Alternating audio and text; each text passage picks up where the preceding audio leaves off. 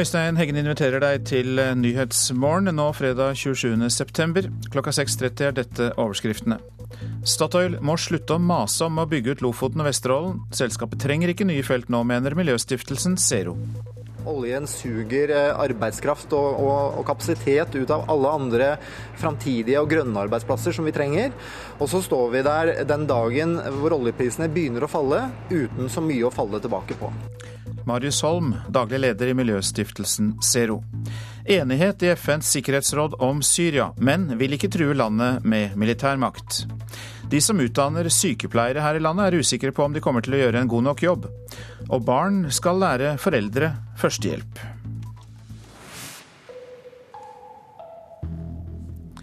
Statoil har funnet mest olje i verden. Nå trenger de ikke lenger utbygging utenfor Lofoten og Vesterålen. Det sier miljøstiftelsen Zero.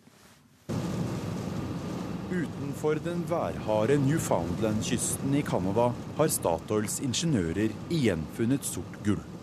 Denne gang var funnet en virkelig innertier, sier informasjonssjef Bård Glad Pedersen. Det er det største Statoil-opererte oljefunnet utenfor Norge eh, noensinne. Vi har hatt veldig gode leteår både i 2011 og 2012, og så langt i 2013 så er vi det selskapet som har funnet mest olje og gass i, i verden. Samtidig vil Statoil fremdeles ha oljeutvinning utenfor Lofoten og Vesterålen.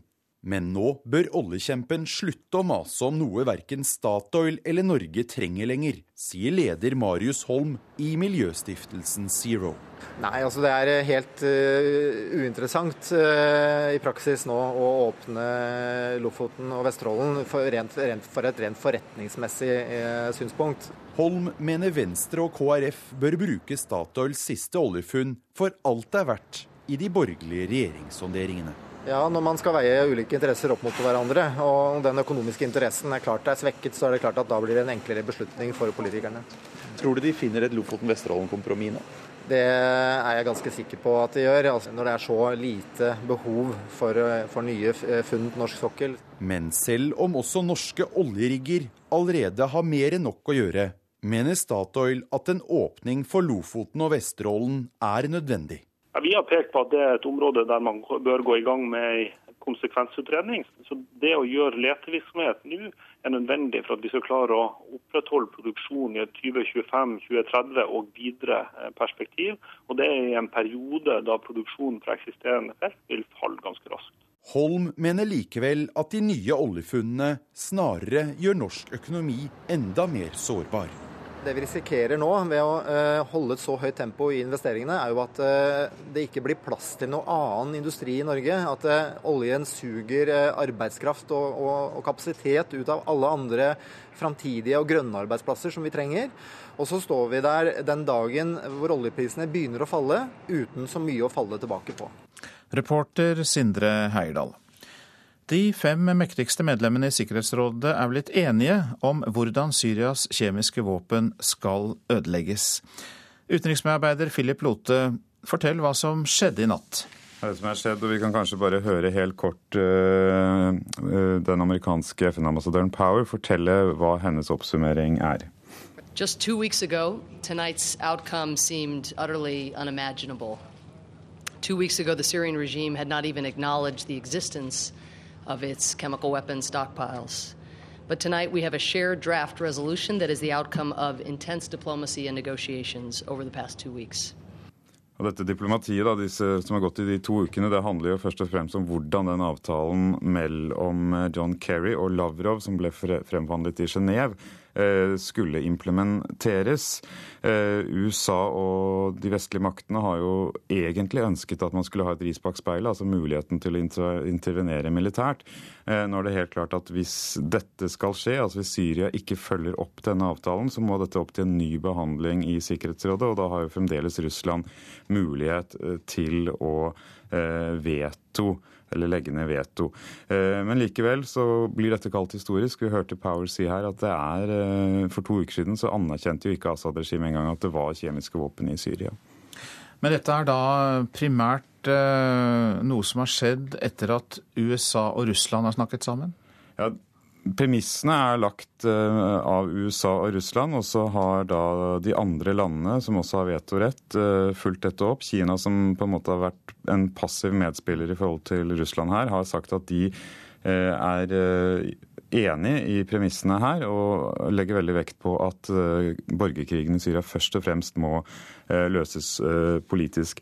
Storbritannia har sagt at de egentlig hadde ønsket seg en henvisning til krigsforbryterdomstolen i Haag, fordi at de ønsker at de som da har gjennomført disse kjemiske angrepene i august, skal bli stilt ansvarlig.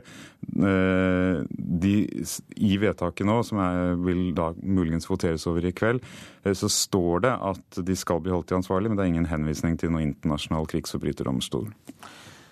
Vi kan vel si at det er et gjennombrudd. Eh, hva er det som kan ha skjedd de siste dagene før denne enigheten? Ja, Det som sannsynligvis her har skjedd, er jo at uh, både for USA og Russland så var det viktig at dette her uh, ble realisert. Uh, både Kerry og Lavrov har jo lagt hodene sine frem på et fat her og hadde vel egentlig ikke politisk råd til at de ikke skulle bli enige. Fremdeles kan vi si at det er Russland som har vunnet terreng her, at det er deres diplomati som har lykkes, i og med at denne henvisningen som USA ønsket seg til en mulig militær aksjon, den, den er utelatt. Hvilken betydning eh, kan dette få framover for uh, situasjonen i Syria og uh, de kjemiske våpnene? Ja, de ekspertene som vi i NRK har snakket med de siste ukene, sier at det egentlig betyr lite for borgerkrigssituasjonen, men at det kan skape en viss mulighet for at man kan legge, til, legge til rette for nye forhandlinger. Problemet her er jo å få alle de involverte partene i borgerkrigen med på forhandlinger. Og Russland har jo flere ganger påpekt at det er jo ikke nødvendigvis Assad som er vanskelig å få med. Det er jo veldig mange av de forskjellige opprørsgruppene og opposisjonslederne som heller ikke ønsker å snakke med Assad. Men det blir snakk om en såkalt uh, Genéve 2-konferanse for å prøve å få til en slags uh, forsoningsprosess. Takk skal du ha, utenriksmedarbeider eh, Philip Lote. Vi går til Tyskland. De tyske sosialdemokratene skal i dag ta stilling til om de vil starte regjeringsforhandlinger med Angela Merkels kristeligdemokrater. Merkels parti vant en klar seier ved valget sist helg, men må ha en partner for å sikre flertall i parlamentet.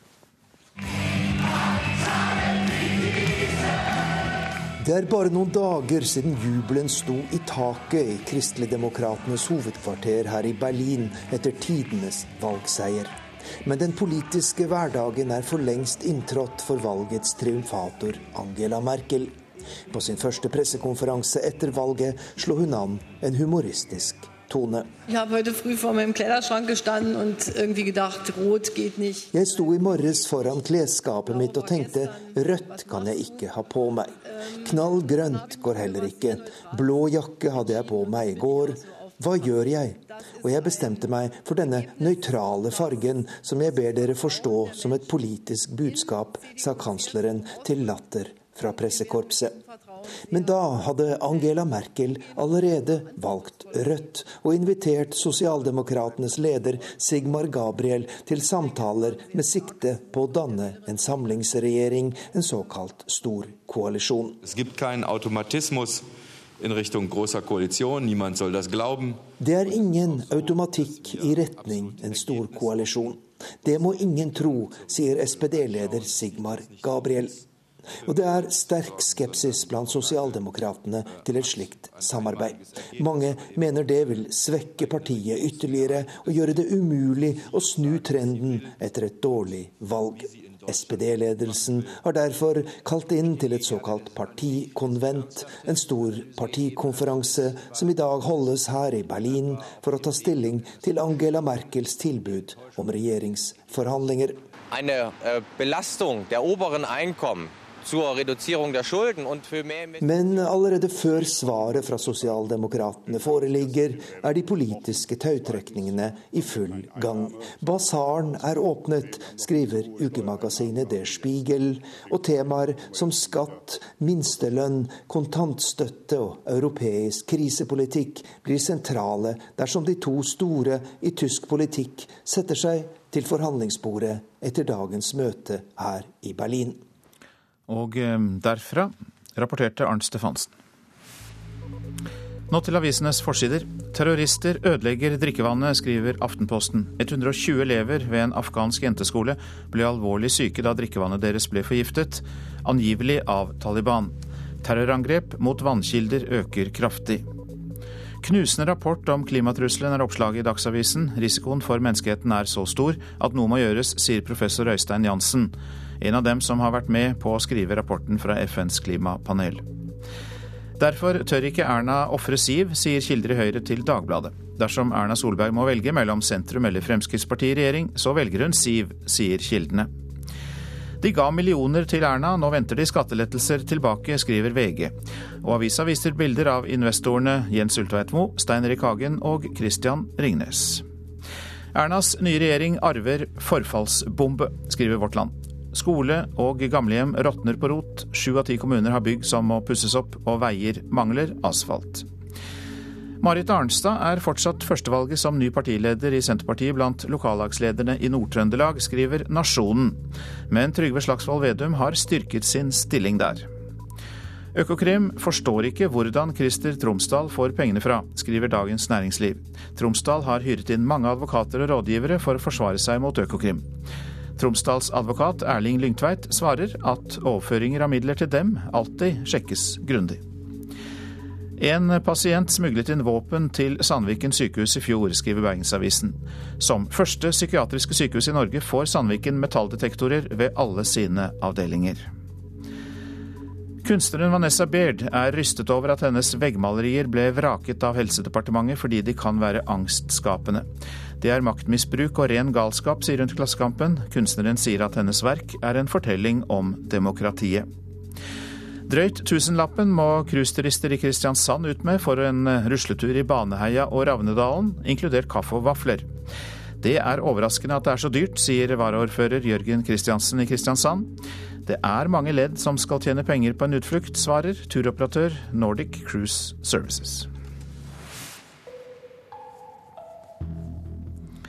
Flere idretter i Norge kan bli gransket av skattemyndighetene. Kemnerkontor over hele landet er i gang med å rydde opp i alle eliteserieklubbene i ishockey. Oslo-kemner Astrid Maria Rosenquist mener flere idretter bør gjennomgås i årene som kommer. Når vi først ser at det gjøres en del feil innenfor noen idretter, så er det kanskje naturlig å tenke at dette skjer også i andre idretter. Og da er det viktig at vi går ut og gir mye informasjon og veiledning. Granskningen som gjøres i ishockeyklubber over hele landet i disse dager, er ikke bare en jakt på skattejuks. Det handler om å gi idrettsklubber informasjon de trenger. Både i fotball, som tidligere har blitt gransket, og i ishockey opplever kemnerkontorene at kunnskapsnivået om økonomi i norske idrettsklubber er for lavt. Veldig mange klubber vil ikke ha veldig profesjonell regnskapskompetanse. Så veiledning fra oss kan være veldig viktig for dem å få. De fleste klubbene er jo ganske presset på ressurser. og Det kan jo også være at man har begrensning på hvilken kompetanse man kan knytte til seg i, til en sånn funksjon. Det sier president i Norges håndballforbund Carl Arne Johannessen. Hvilken idrett som står øverst på skattemyndighetenes liste etter ishockey vites ikke. Blir det håndball, ønsker presidenten kemnerne velkommen. Jeg opplever jo at hovedintensjonen her er å avdekke om eh, det foreligger feil, om ting kan gjøres bedre. Og det er klart at Det er vi interessert i. og Gjør man feil i dette systemet, så kan jo en slik feil slå begge veier. Det kan hende man ikke har betalt noe man skulle gjøre, men man kan også tape på å gjøre feil. Så en slik gjennomgang syns vi er positivt. Reporter her, Vibeke Unnhjem. Ja, du lytter til P2s Nyhetsmorgen. Klokka passerte nettopp 6.44. Hovedsaker i nyhetene. Enighet i FNs sikkerhetsråd om Syria, men vil ikke true landet med militær makt. Statoil har funnet mest olje i verden, nå trenger de ikke lenger Lofoten, sier miljøstiftelsen Zero. Og flere får ekstrem allergi. Mer om det snart her i Nyhetsmorgen. Men først om at de som utdanner sykepleiere her i landet er usikre på om de kommer til å gjøre en forsvarlig jobb. Det er urovekkende, mener Sykepleierforbundet. Nå er vi på vei inn på øvelsesposten vår. Marie Ingebrigtsen og Torjus Hagen Jøssendal går i andre klasse på sykepleierutdanningen ved Høgskolen i Bergen. Om ett og et halvt år har de fullført bachelorgraden i sykepleie og kan gå rett i arbeid. Men en ny undersøkelse utført av fagbladet Sykepleien viser at lektorer landet over frykter at de ikke kan det de skal når de er ferdigutdannet. Det kjenner verken Marie eller Torjus seg igjen i. I forhold til den eh, skolen her, så føler jeg det er eh, ganske, ganske overraskende. Da. For jeg føler vi lærer eh, masse. Over 50% av de 146 lektorene som svarte på undersøkelsen, er usikre eller svarer nei på spørsmål om sykepleierstudentene kan det de bør for å kunne gjøre en forsvarlig jobb. Det er urovekkende at høyskolelektorene ikke tenker at det ikke er bra nok studenter som kommer ut. Det sier Eli Gunhild By, som er leder i Norsk Sykepleierforbund. Lektor på Høgskolen i Bergen, Kjersti Vågesæter, reagerer også på kollegaenes tiltro til egne elever. Det synes jo jeg er skremmende, og jeg er jo en av de som har svart at jeg mener at de er forsvarlig utdannet hos oss. Vi har studenter med det tredje høyeste snittet av de som kommer inn, og dermed blant de beste studentene. I den samme undersøkelsen kommer det frem at både elever og lærere synes kvaliteten på praksisplassene i utdannelsen er svært varierende. Sykepleierstudentene Maria og Torjus føler seg imidlertid trygg på at de står godt nok rustet den dagen de skal ut i arbeid. Det føler jeg blir eh, klar til å gjøre en god innsats. Det er jo ikke sånn at når vi kommer ut herfra, så, vi, så eier vi verden og vi kan alt. Eh, men eh, jeg, med egen innsats og med godt studie, så tror jeg at jeg skal være rustet til å være en god sykepleier når jeg kommer ut herifra. Reporter, det var Kaspar Knutsen. Stadig flere nordmenn får ekstremallergi. Det er særlig barn og unge voksne som rammes. Nå ønsker Norges astma- og allergiforbund et totalforbud mot nøtter og sitrusfrukter på skoler med allergikere. 17 år gamle Victoria Elvemo fra Bodø er en av dem som er i fare på skolen. Ja, altså hvis noen åpner en nøttepose, eller noe sånt, så kjenner jeg først at det blir litt sånn varm i ansiktet, og så hovner jeg opp i halsen og får ikke pust. Og så trenger jeg enten sånn adrenalinsprøyte og videre medisinsk legehjelp. For Victoria Elvemo har allergien vært en del av livet hennes. Bare støv fra nøtter er nok til å utløse en kraftig reaksjon, som kan være livstruende, og ifølge en rapport fra Folkehelseinstituttet er det stadig flere nordmenn som sliter med allergier. Eh, hasselnøtter har øket de siste årene, og det antar vi er pga økning i pollenallergi. Dette kan man undersøke med såkalte komponenter, og det har vi gjort. Fagsjef for matallergier i Norges astma- og allergiforbund, Helle Grøttum, mener flere skoler bør vise mer forståelse for situasjonen til elever med ekstreme allergier. Hvis man har svært alvorlig allergiske barn, eh, så er det ofte lettere å håndtere et forbud enn at man har at det er lov i noen klasserom og ikke i andre, og litt er lov og ikke det og sånn. Så det er mye enklere hvis man har et totalforbud. For allergikere er det livsviktig at skolene tar hensyn, men Victoria har opplevd at medelever ikke forstår alvoret. Det er jo alltid noen som vil gjøre oppgjør mot reglene. Ikke til en stor grad, men litt var det jo at folk skulle tøffe seg og være litt kul. Nei, tok f.eks. med seg appelsiner eller noe sånt på skolen. Så jeg måtte liksom dra hjem eller noe sånt. Hun tok med seg nøttepose og sånt, og da var det jo samme at jeg måtte dra hjem. Reporter i Bodø, det var Munever Gildis. Åtte av ti nordmenn kan ikke utføre korrekt førstehjelp på barn. Nå vil Norsk Luftambulanse lære opp foreldre via de ansatte og ungene i barnehagene. Alle barnehager i landet blir invitert med i prosjektet, som ble lansert i går.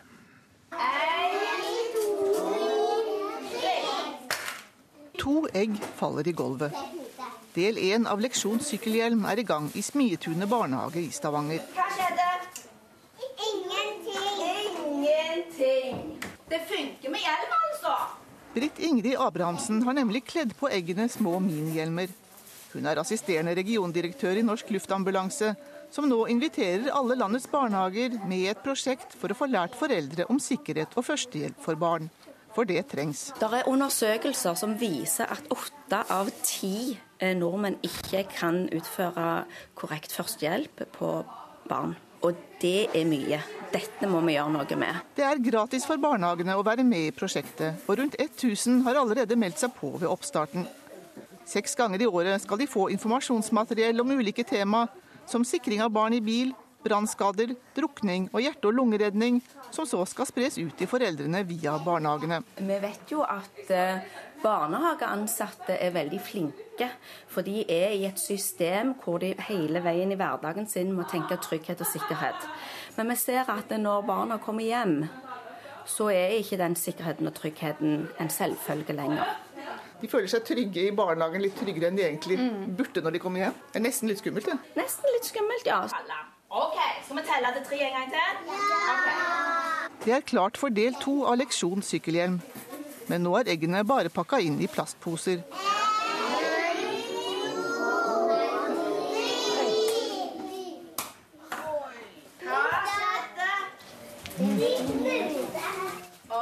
Hva skjedde med egget, da?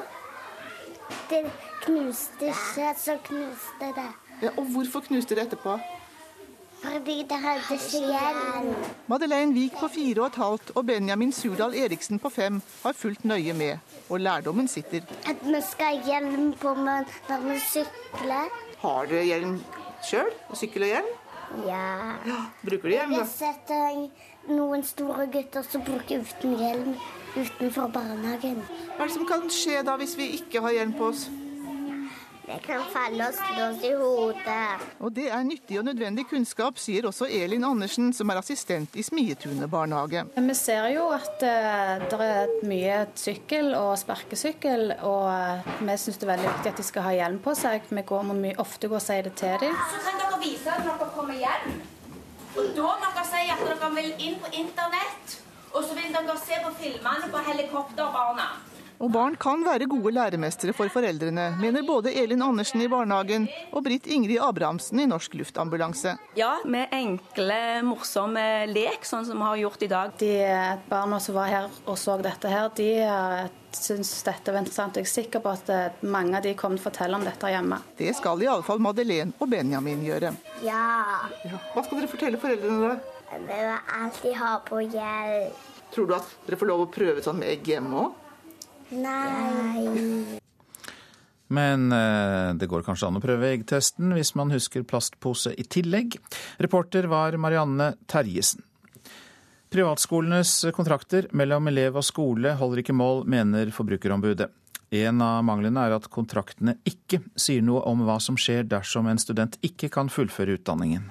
Det her er snakk om kontrakter som er eh, ment for eh, ganske unge eh, folk, som ikke har inngått så mange kontrakter før. Forbrukerombud Gry Nergård har gått gjennom kontraktene til flere private fagskoler som tilbyr utdanning innen kunst- og kulturfag.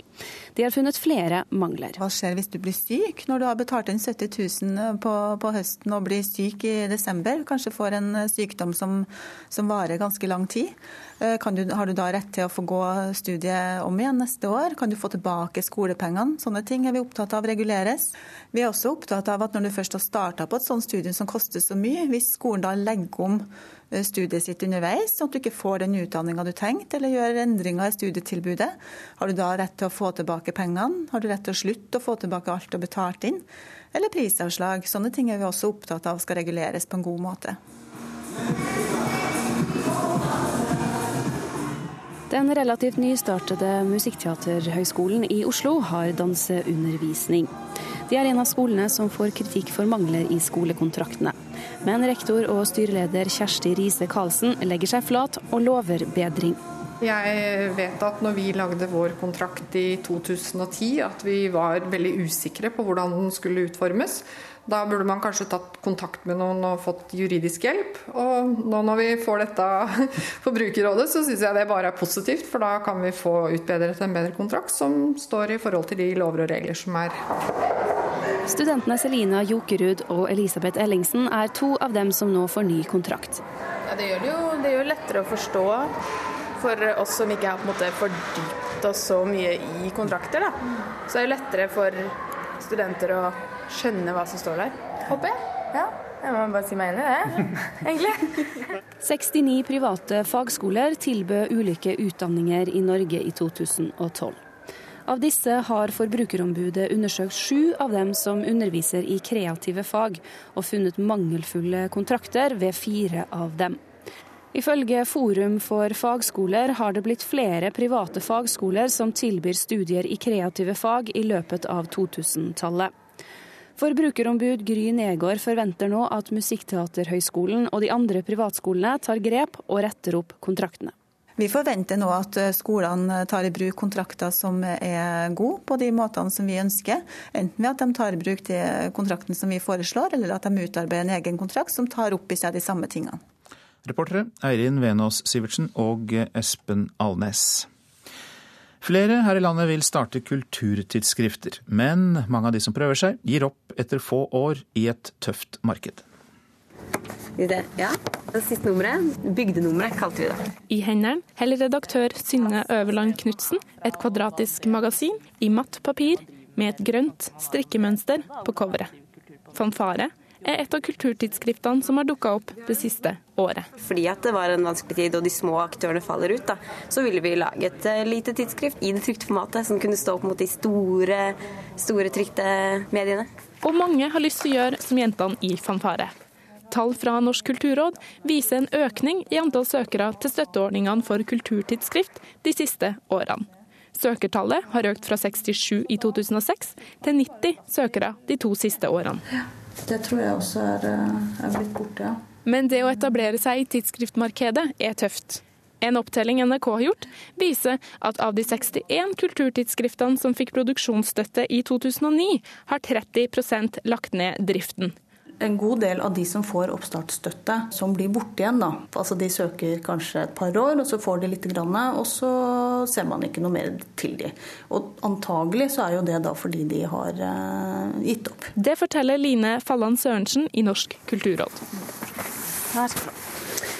Sofie Oksan, som er på omslaget denne gangen. Inne på lageret hos forlaget Samtiden åpner leder i Tidsskriftforeningen, Bente Riise, en ny eske med rykende ferske utgaver av Syn og Sein. Riise tror grunnen til at mange kulturtidsskrift må gi opp etter kort tid, er at nye aktører ikke helt vet hva de går til. Jeg tror at mange som starter opp, eh, kanskje ikke vet helt hva det innebærer av energi, tidsbruk, eh, innsats og penger. Hei, hei, hei. Hos platebutikken Big Dipper i Oslo ligger fanfare godt synlig på disken. Eh, her har vi fått godplassen. godplassen. Men si meg, har dere solgt noe, eller? Eh, vi har vel solgt et par stykker. Et par? Ja. Ok, da kjøper jeg med noen selv. Sånn at bare... Synne i Fanfare tror de fleste er klar over hvor vanskelig det er å starte tidsskrift, men at de likevel har et håp om at det skal kun gå. Vi var ekstremt realitetsorienterte da vi starta med magasin, at vi visste egentlig hva vi gikk til. Eh, så jeg vil jo egentlig tro at det kanskje er å egentlig fordumme de som starter det litt, for jeg tror egentlig mange vet det, men at de likevel har lyst, og at man har en slags naiv tro på at eh, man tror det kan gå rundt. da. Og det var reporter Helga Ragnstad som eh, fortalte om kulturtidsskriftet Fanfare. Hør ekko. I dag presenterer verdens fremste klimaforskere funn som rydder tvilen av veien.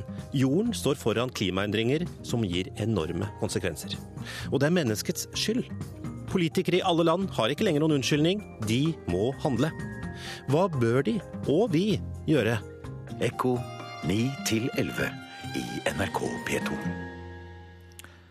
Så til eh, værvarselet denne fredagen. Randane, fjellstrøkene Dovrefjell, svenskegrensa. Delvis skyet, kan hende sluddbyger i nord, for øvrig oppholdsvær. I kveld enkelte regn eller sluddbyger i grensetraktene. Så går vi til fjellstrøkene Trollheimen, Jotunheimen og Langfjella. Der blir det pent vær. Østafjells også for det meste pent vær. I kveld tilskyende i øst. Litt regn og sludd i grensetraktene nord i Hedmark. Så var det Vestlandet sør for Stad. Stort sett pent vær. Møre og Romsdal enkelte byger på Nordmøre, men ellers opphold og perioder med sol. Trøndelag enkelte regnbyger, perioder med sol, lengst i nord pent vær. Nordland og Troms delvis skyet, stort sett opphold. Etter hvert pent vær, men noe mer skyet i grensetraktene. Finnmark, der blir det liten kuling på kysten. Spredt regn først på dagen, etter hvert stort sett oppholdsvær også i Finnmark. Nordensjøland på Spitsbergen, det samme der, stort sett oppholdsvær. Temperaturer målt klokka fem. Svalbard lufthavn minus tre. Og så ser det ut som nesten hele Nord-Norge har sju grader. Kirkenes sju. Det samme i Vardø, Alta og Tromsø. Bodø og Brønnøysund, der er det pluss fire. Trondheim-Værnes pluss to. Molde fem. Bergen-Flesland tre. Kristiansand-Kjevik 7 grader. Gardermoen 1 grad. Lillehammer 0, Røros 3 grader, og Oslo-Blindern hadde 1 grad da klokka var fem i natt.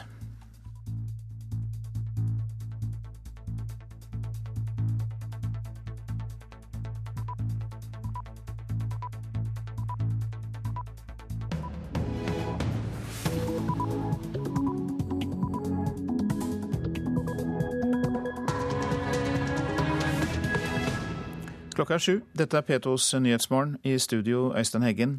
Dette er en nyhetsoppdatering. Høyre-leder Erna Solberg har ønske om å gi mer i regjeringssonderingene, men hun er usikker på om hun har råd til det. Etter det NRK erfarer, preges sonderingene nå av at synet på økonomi, pengebruk og økonomisk handlingsrom skiller de fire partiene. Det gjør ikke saken noe enklere for Solberg.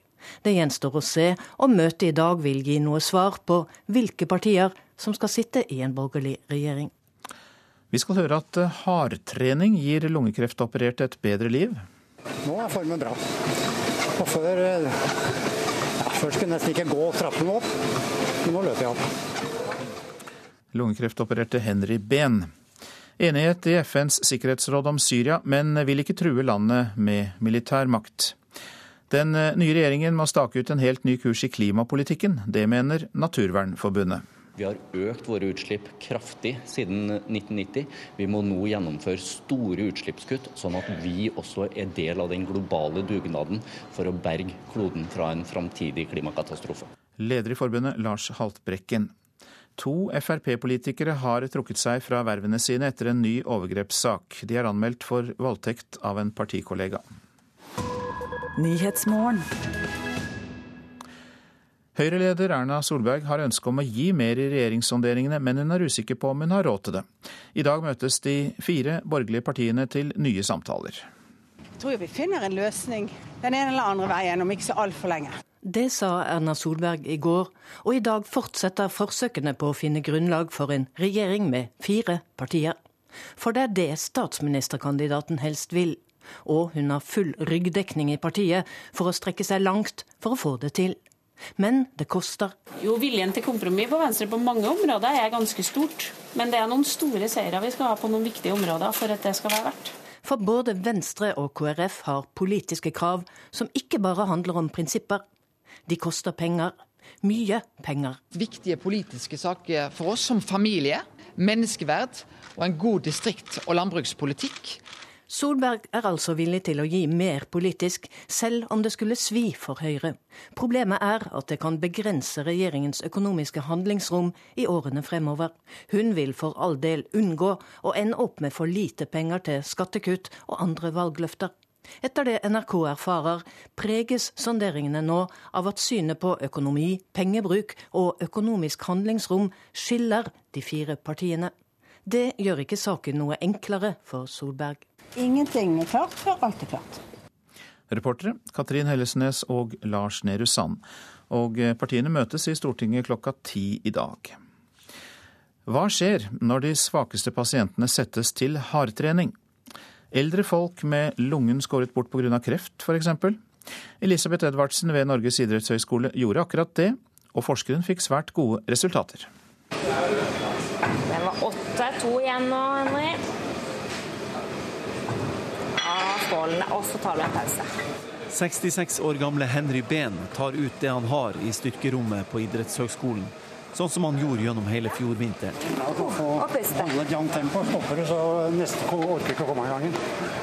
Oslomannen Henry Behn røkte i 50 år, og til slutt fikk han lungekreft. Han ble operert, og ikke lenge etter satte forsker Elisabeth Edvardsen han og andre lungekreftopererte i hardtrening tre ganger i vekka i 20 uker. Ei kontrollgruppe skulle ikke trene. På Ullevål sykehus skulle resultatet måles. Ferdig. Kjør! Ja, veldig fint. Kom igjen nå, Henry. Nå jobber du på. Inn og ut. Å, pust og pust. Selv med et skrøpelig utgangspunkt og deler av lungene skorer vekk, Effekten er svært god for pasientene som drev hardtrening, sier Edvardsen. De har fått en markant økning i kondisjonen sin, og så har de blitt veldig mye sterkere. Og I tillegg til det så har vi også sett at eh, de fleste av disse pasientene har også lagt på seg ren muskelmasse. Men Hva er mm, poenget med at uh, dere har visst at du blir i bedre form av å trene? Eh, dette er jo veldig viktig, spesielt for denne pasientgruppen, fordi de i utgangspunktet er i så veldig dårlig form. Har mye smerter etter operasjon og har problemer med å bevege seg, men også fordi de har tatt bort et veldig viktig organ eh, som sørger for at vi får oksygen ut i muskulaturen. Og Derfor så mener vi at det å komme raskt tilbake i rehabilitering for denne pasientgruppa spesielt, det er uhyre viktig. For sin egen del er i hvert fall Henry Behn fornøyd med framgangen. Nå er formen bra. Og før eh, ja, Før skulle jeg nesten ikke gå trappene opp, men nå løper jeg opp. Han er glad for at han havna i den gruppa som skulle trene. Trening er det som har betydd mest. For eh, hadde jeg vært med i den gruppa som bare skulle vært til kontroll, så tror jeg ikke jeg hadde giddet å trene. For å si det rett ut. Så det at man har muligheten, eller det i Henriks tilfelle, at han har muligheten til å trene seg opp til det nivået han var før operasjon, og faktisk bedre, det syns vi er kjempebra. Reportasjen den var laget av Kjartan Røslett. Åslaug Helland, velkommen til deg. Takk for det. Du er overlege, leder et nytt kompetansemiljø for lungekreft på Radiumhospitalet. Det åpner til og med i dag. Ja. Hvordan Ja, øh, først. Det er jo veldig optimistiske toner der. At det alltid kan nytte. Man kan alltid bli bedre. Ja, det tror jeg jo Det er veldig spennende resultater. Og eh, det at trening bedrer eh, oksygenopptak og muskelmasse, det, eh, det var jo ikke helt opplagt at de skulle klare det hos denne pasientgruppen, men det har de gjort, og det er veldig bra. Hva er det som karakteriserer nettopp disse som har gjennomgått en operasjon for lungekreft? Nei, Mange av de er jo i dårlig form eh, fra før av. Eh, og de får da skåret bort en del av eh, lunger som kanskje i utgangspunktet ikke var helt velfungerende. Så det er jo spesielt med dem, og da er det veldig viktig å komme i gang med trening. Og det viser jo denne studien. Hvordan kan den brukes videre av dere og andre?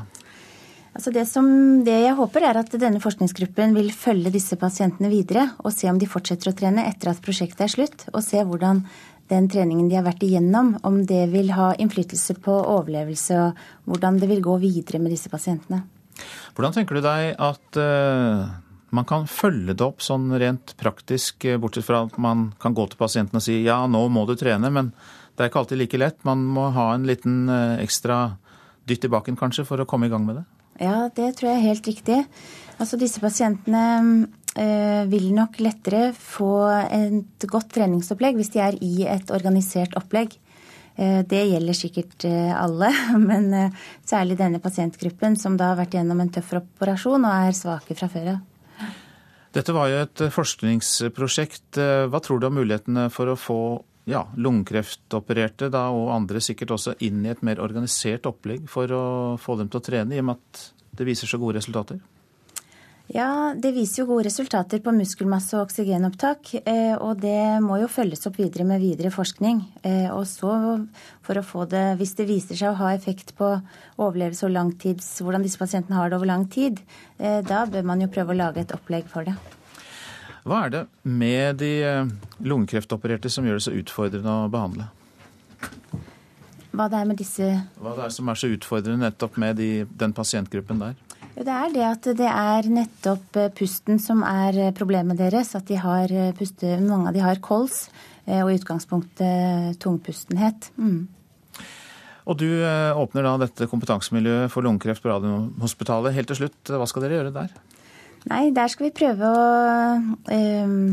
øke forståelsen og kunnskapen omkring lungekreft. Og spre den kunnskapen over hele landet. Ja. Takk for at du kom, Åslaug Helland, som er overlege, og som altså leder dette kompetansemiljøet for lungekreft på Radiumhospitalet. Dette er P2s eh, Nyhetsmorgen, og klokka den går mot eh, sju Ja, ni over sju, kan vi vel si det er. Dette er hovedsakene. Høyre-leder Erna Solberg har ønske om å gi mer i regjeringsforhandlingssonderingene, men hun er usikker på om hun har råd til det. Enighet i FNs sikkerhetsråd om uh, Syria, men vil ikke true landet med militærmakt. Og uh, vi hørte nettopp at uh, hardtrening kan gi lungekreftopererte et bedre liv. Den nye regjeringen må stake ut en helt ny kurs i klimapolitikken. Det mener Naturvernforbundet. I dag kommer en ny rapport fra FNs klimapanel med de siste resultatene fra internasjonal forskning. Rapporten må få følger for praktisk politikk, mener Naturvernforbundet. Internasjonalt er nettopp den praktiske oppfølgingen av forskningsresultatene en stor utfordring. Det sier Knut H. Alfsen, strategidirektør i CICERO, Senter for klimaforskning. Kanskje overraskende så blir det faktagrunnlaget anerkjent av så godt som alle verdens regjeringer. Samtidig så vet vi jo at eh, det gjøres ikke så mye med klimaproblemet.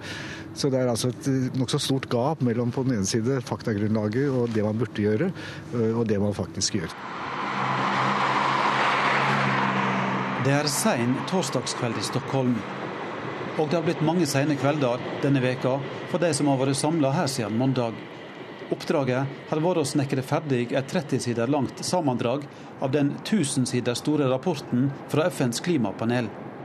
Dette er det dokumentet som skal leses av politikere og folk flest som vil sette seg inn i klimapanelet sine konklusjoner. Linje for linje, setning for setning, alt må være pinlig nøyaktig. Ingenting må kunne misforstås. Rundt 250 utsendinger fra hele verden er her. Hovedforfatterne må si ja eller nei til alle endringsforslag. We are certainly making an enormous effort to simplify the messages, even though they represent uh, very rigorous scientific phenomena. Um, so I expect that the world will understand the simplicity but the gravity of the message that, that we provide. Jeg forventer at budskapen blir forstått, sa lederen for klimapanelet Rayendra Pachauri mandag. Snart skal den ferdige teksten legges fram. Forskerne er mer sikre enn før på at klimaendringene skyldes mennesker sine utslipp.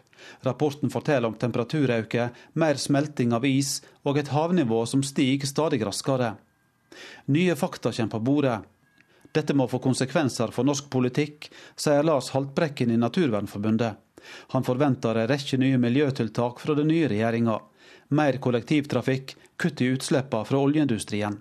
Den nye regjeringa må sette Norge på en helt ny kurs i klimapolitikken. Vi har økt våre utslipp kraftig siden 1990.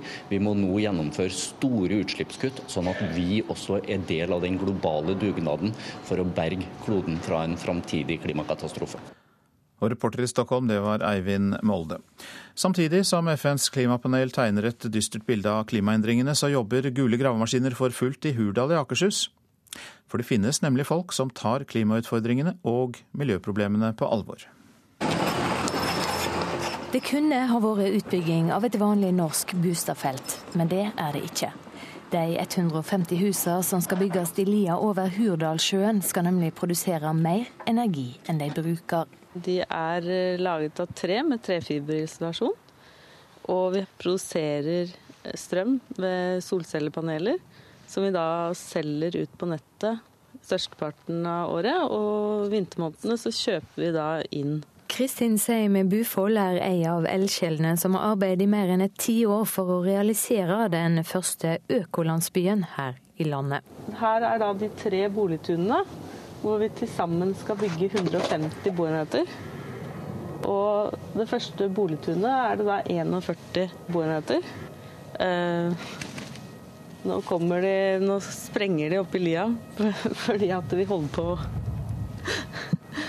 Vi holder på å bygge veien opp her nå. Forskning fra Danmark syner at de som bor i økosamfunn har et klimagassutslipp på en tredel av det normale.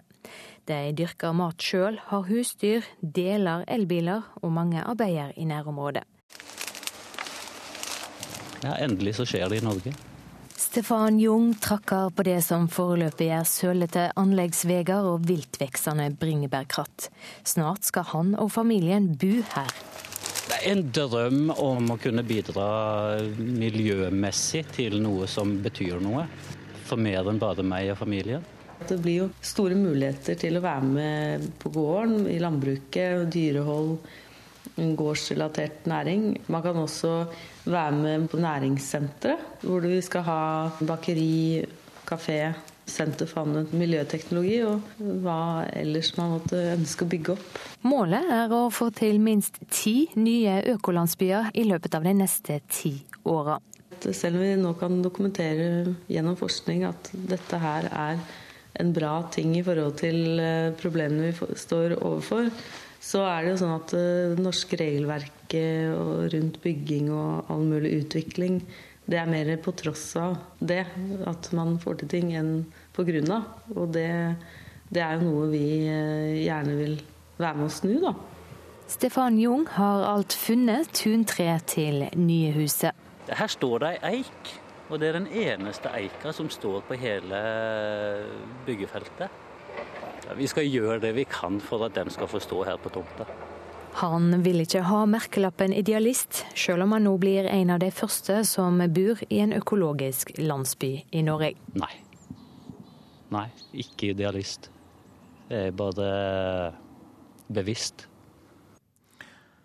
Og reporter her, det var eh, Silje Sande. Rasmus Hansson, god morgen til deg. God morgen. Du er påtroppende stortingsrepresentant for Miljøpartiet, som eh, mange vet. Eh, ja, det virket som du fulgte interessert med i denne reportasjen fra Hurdal. Hva syns du om miljølandsbyen?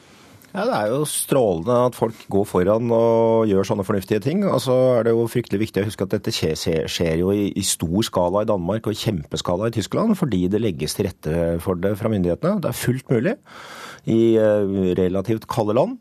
Eh, og det er eh, fullt mulig selv i Norge. Men da må vi altså få politisk vilje bak det, eh, og ikke bare, i gåseøyne, ildsjeler som gjør ting på tross av og ikke pga. Eh, myndighetene. Men, men eh, veldig oppmuntrende å høre at det skjer. Hvordan skal du samle flertallet i Stortinget for å øke mengden av politisk vilje til slike tiltak? Ja, nå har vi jo eh, gått ut med en eh, utfordring eh, så seint som i går til et bredt sentrumsalternativ med Arbeiderpartiet og Venstre og Kristelig Folkeparti og Senterpartiet og oss. For å vise at hvis ikke den blå blokken som sitter og forhandler nå, leverer godt nok på miljø og leverer på løftene som Høyre og Kristelig Folkeparti og Venstre har gitt i valgkampen, så eh, går det an å få en enda bedre miljøløsning hvis man får med seg Arbeiderpartiet på å jekke opp eh, miljøinnsatsen. Så her eh, jobber vi med å eksponere hva Høyre vil, og eksponere hva Arbeiderpartiet vil i miljøpolitikken, sånn at folk kan se hvor de får mest, og også kan se at i øyeblikket er begge de partiene for dårlige. Det er i hvert fall noe av det du vil jobbe for i Stortinget, Hansson. Men la oss også da se litt på de kravene som kom fra Lars Haltbrekken i eh, Naturvernforbundet. Hva, hva syns du om de?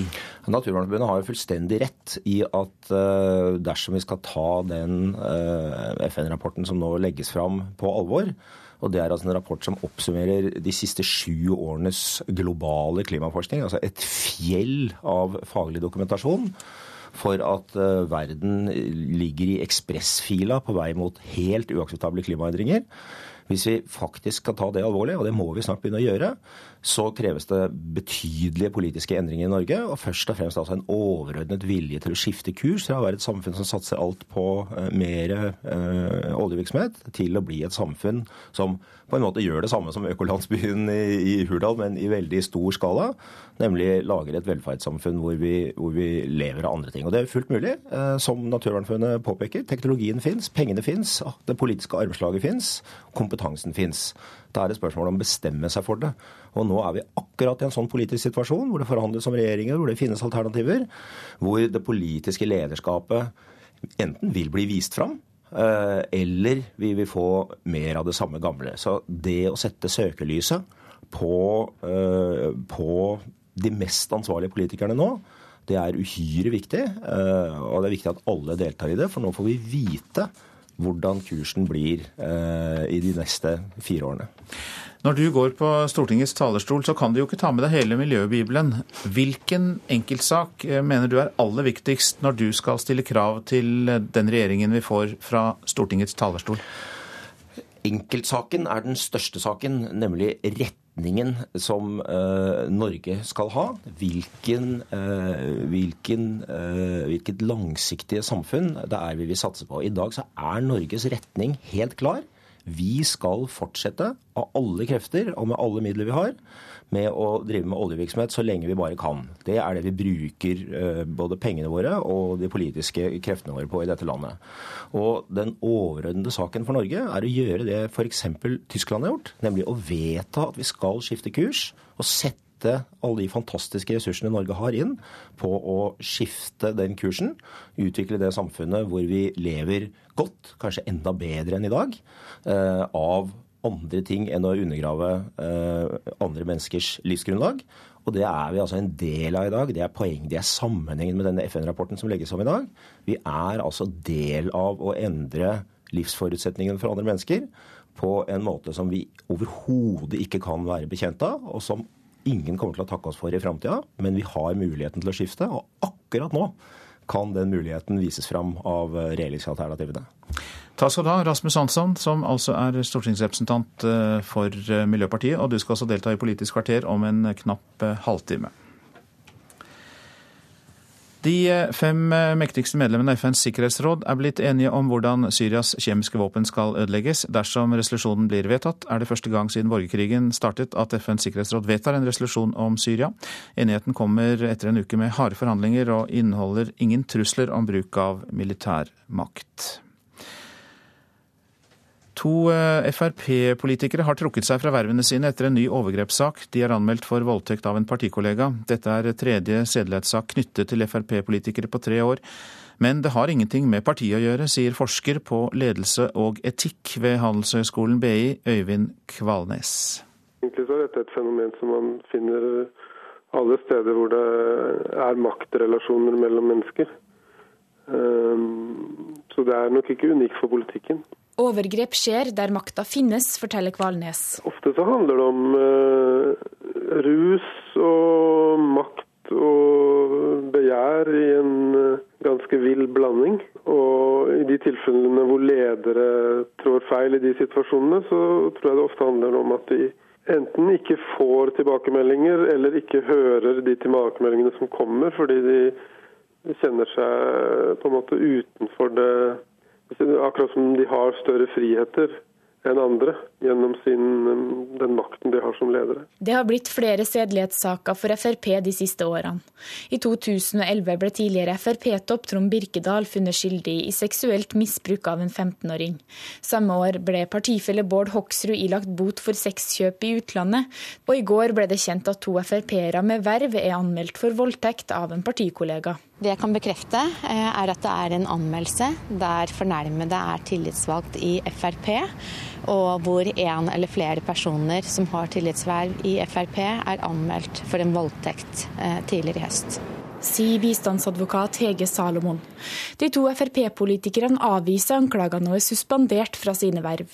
Ingen fra øverste ledelse har ennå uttalt seg om voldtektsanmeldelsen. Fornærma hevder hun har kontakta ledelsen, men ikke fått den oppfølginga hun skulle ha hatt.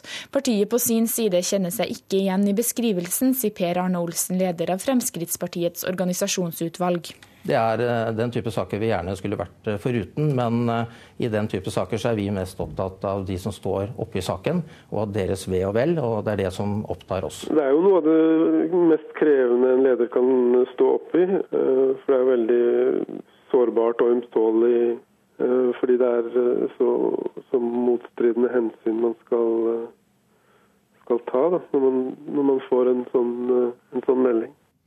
Til slutt er ledelsesforsker ved Handelshøyskolen BI, Øyvind Kvalnes. Reporter Marit Gjelland. Så til avisene og forsidene der. Terrorister ødelegger drikkevannet, skriver Aftenposten. 120 elever ved en afghansk jenteskole ble alvorlig syke da drikkevannet deres ble forgiftet, angivelig av Taliban. Terrorangrep mot vannkilder øker kraftig. Knusende rapport om klimatrusselen, det er oppslaget i Dagsavisen. Risikoen for menneskeheten er så stor at noe må gjøres, sier professor Øystein Jansen, som har vært med å skrive rapporten. Derfor tør ikke Erna ofre Siv, sier kilder i Høyre til Dagbladet. Dersom Erna Solberg må velge mellom sentrum eller Fremskrittspartiet i regjering, så velger hun Siv, sier kildene. De ga millioner til Erna, nå venter de skattelettelser tilbake, skriver VG. Avisa viser bilder av investorene Jens Ulltveit Moe, Stein Erik Hagen og Christian Ringnes. Ernas nye regjering arver forfallsbombe. Det er oppslaget i Vårt Land. Skole og gamlehjem råtner på rot. Sju av ti kommuner har bygg som må pusses opp, og veier mangler asfalt. Marit Arnstad er fortsatt førstevalget som ny partileder i Senterpartiet blant lokallagslederne i Nord-Trøndelag, skriver Nasjonen. Men Trygve Slagsvold Vedum har styrket sin stilling. Økokrim forstår ikke hvorfor Christer Tromsdal eh, hvordan han får pengene, hvor han får pengene fra, skriver Dagens Næringsliv. Tromsdal har hyret inn mange advokater og rådgivere for å forsvare seg mot Økokrim. Tromsdals advokat Erling Lyngtveit svarer at overføringene av midler til dem alltid sjekkes grundig. En pasient smuglet inn våpen til Sandviken sykehus i fjor, skriver Bergensavisen. Som første psykiatriske sykehus i Norge får Sandviken metalldetektorer ved alle sine avdelinger. Kunstneren Vanessa Baird er rystet over at hennes veggmalerier ble vraket av Helsedepartementet fordi de kan være angstskapende. Det er maktmisbruk og ren galskap, sier hun til Klassekampen. Kunstneren sier at uh, hennes verk er en fortelling om demokratiet. Drøyt tusenlappen må cruiseturister i Kristiansand ut med for å få en rusletur i Baneheia og Ravnedalen, inkludert kaffe og vaffel. Det er overraskende at det er så dyrt, sier varaordfører Jørgen Kristiansen i Kristiansand. Det er mange ledd som skal tjene penger på en utflukt, svarer turoperatør Nordic Cruise Services. En eh, fem etasjer høy bygning har kollapset i Mumbai i India. Lokale myndigheter sier at minst 20 personer er i ruinene. Ifølge vitner er så mange som 60 personer innesperret, skriver nyhetsbyrået Ap. En maskin kan lytte til bildekkene dine. En ny oppfinnelse kan høre forskjell på piggdekk og piggfrie dekk, og avsløre alle som kjører ulovlig uten å ha betalt piggdekkavgift. Oppfinneren selv har beregnet at detektoren kan gi Oslo kommune en årlig ekstrainntekt på 100 millioner kroner.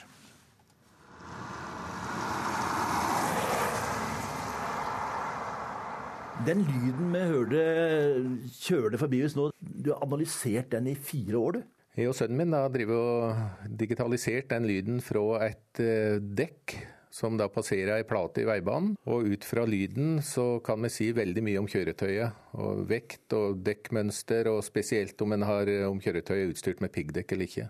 Ole Bjørn Kleven fra Hol i Hallingdal har fått verdenspatent på piggdekkdetektoren som han og sonen Fredrik har utvikla gjennom de fire siste åra. Nå står han rett framfor det kommersielle gjennombruddet med sal av detektoren.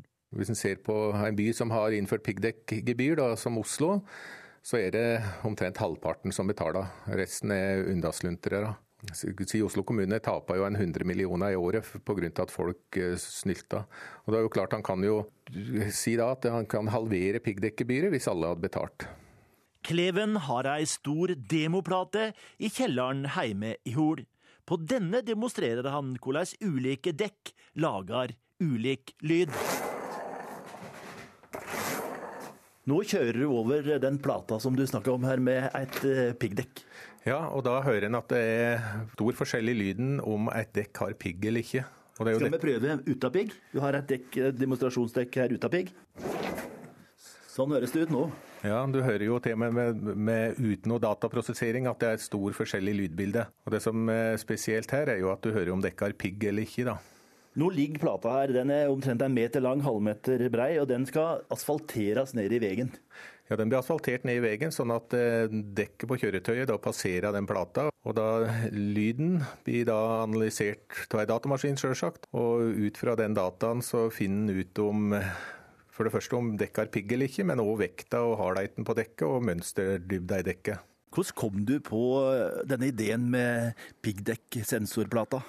Det var en rein tilfeldighet. Jeg var i byen, på Adamstuen. og så som alle vet, så er det jo grevet i kryss og tvers i hele Oslo. Så er det lagt sånne stålplater over disse grøftene.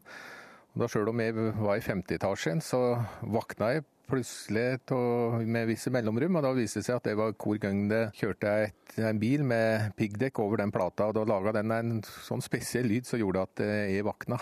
Og Så begynte jeg å tenke litt nærmere over det, hva det kunne være for noe. og for å gjøre en lang historie kort, så er det forløperen til den piggdekksensoren som jeg har vist til nå.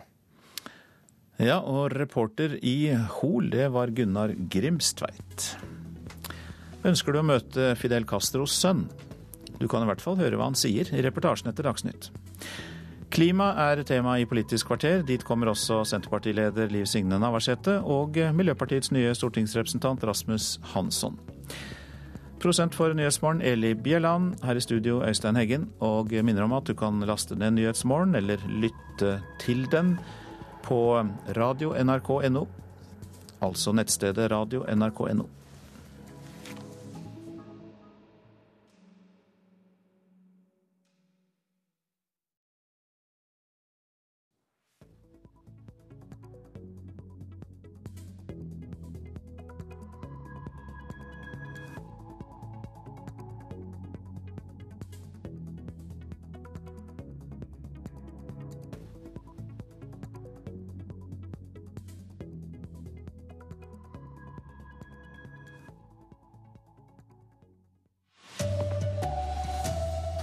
FN er enig om Syria. Det kan bli avstemning allerede i dag. Lungekreftopererte får et bedre liv med hardtrening. Og det er fotballjubel i Molde. Solskjær sier nei til å bli landslagssjef. Riktig god morgen, her er NRK Dagsnytt klokken 7.30. I natt ble de fem mektigste medlemmene av FNs sikkerhetsråd enige om hvordan Syrias kjemiske våpen skal ødelegges. Sikkerhetsrådet har lenge vært splittet i synet på Syria, men de siste ukene har altså partene klart å bli enige. Just two weeks ago, tonight's outcome seemed utterly unimaginable. Two weeks ago, the Syrian regime had not even acknowledged the existence of its chemical weapon stockpiles. Vi har nå blitt enige om noe som for bare to uker siden virket meget fjernt. For to uker siden anerkjente ikke engang Assad-regimet at de hadde kjemiske våpen, sa USAs FN-ambassadør Samantha Power til pressen etter møtet i Sikkerhetsrådet. De fem landene med vetorett har ikke tidligere klart å enes. Utkastet som kan bli lagt frem for endelig votering allerede i kveld norsk tid, inneholder ikke noen direkte mulighet for bruk av militær makt. Russlands FN-ambassadør Vitalij Turkin sier diplomatiet har jobbet effektivt i utmeislingen av avtalens detaljer. So it took us only two weeks uh, to bring uh, that framework agreement to fruition. Om Syria ikke følger opp, må saken på nytt opp for Sikkerhetsrådet før en militæraksjon kan settes i gang og da kan igjen Russland bruke sin vetorett. Det sa utenriksmedarbeider Philip Lote. En fem etasjer høy bygning har kollapset i Mumbai i India. Rundt 70 personer bor i bygningen. Lokale myndigheter sier de tror minst 20 personer er fanget i ruinene. Det har vært en serie bygningskollapser i byen den siste tiden. Noe av årsaken er trolig stor boligetterspørsel, og mange hus bygges i strid med standarder for utbyggers fortjeneste. Hva skjer dersom du tar noen av de svakeste pasientene du kan tenke deg, eldre folk som har fått deler av lungene skåret bort pga. kreft, og setter disse i hardtrening? Akkurat det har forsker Elisabeth Edvardsen ved Norges idrettshøgskole gjort, og hun fikk svært gode resultater. Det var åtte, to igjen nå, Henri.